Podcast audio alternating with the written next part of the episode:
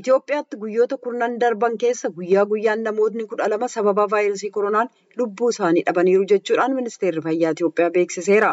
Tamsa'inni vaayirasichaa dachaan dabaluun namoota giddugaleessaan guyyaatti kuma ja'a saamuudni irraa fudhatame keessaa namoonni dhibba saddeet ta'an vaayirasichaaf kan saaxilaman jechuun ministeerri fayyaa Dr. Liyaa Taaddasa ibsaniiru. Tsahaay Daamtootu gabaase. Itoophiyaatti tatamsa'inni koovid kudha sagalii yaaddessaa ta'uu ministeerri fayyaa beeksiseera.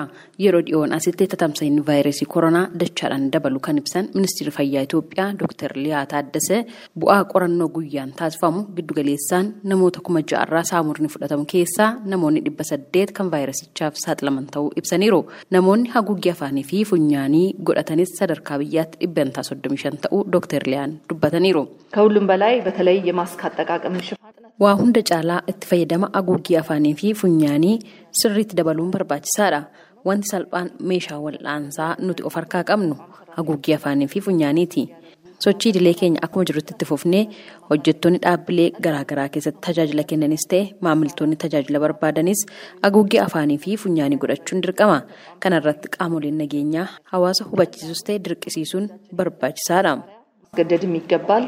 Namoonni garmalee dhukkubsatanii wal'aansa maashinii hargansuutiin deeggaramuu qabanis lakkoofsa isaanii dachaadhaan dabaleeraa kan jedhan Dr. Liyaan hanqinni maashina kanaas yaaddessaa ta'uu ibsaniiru.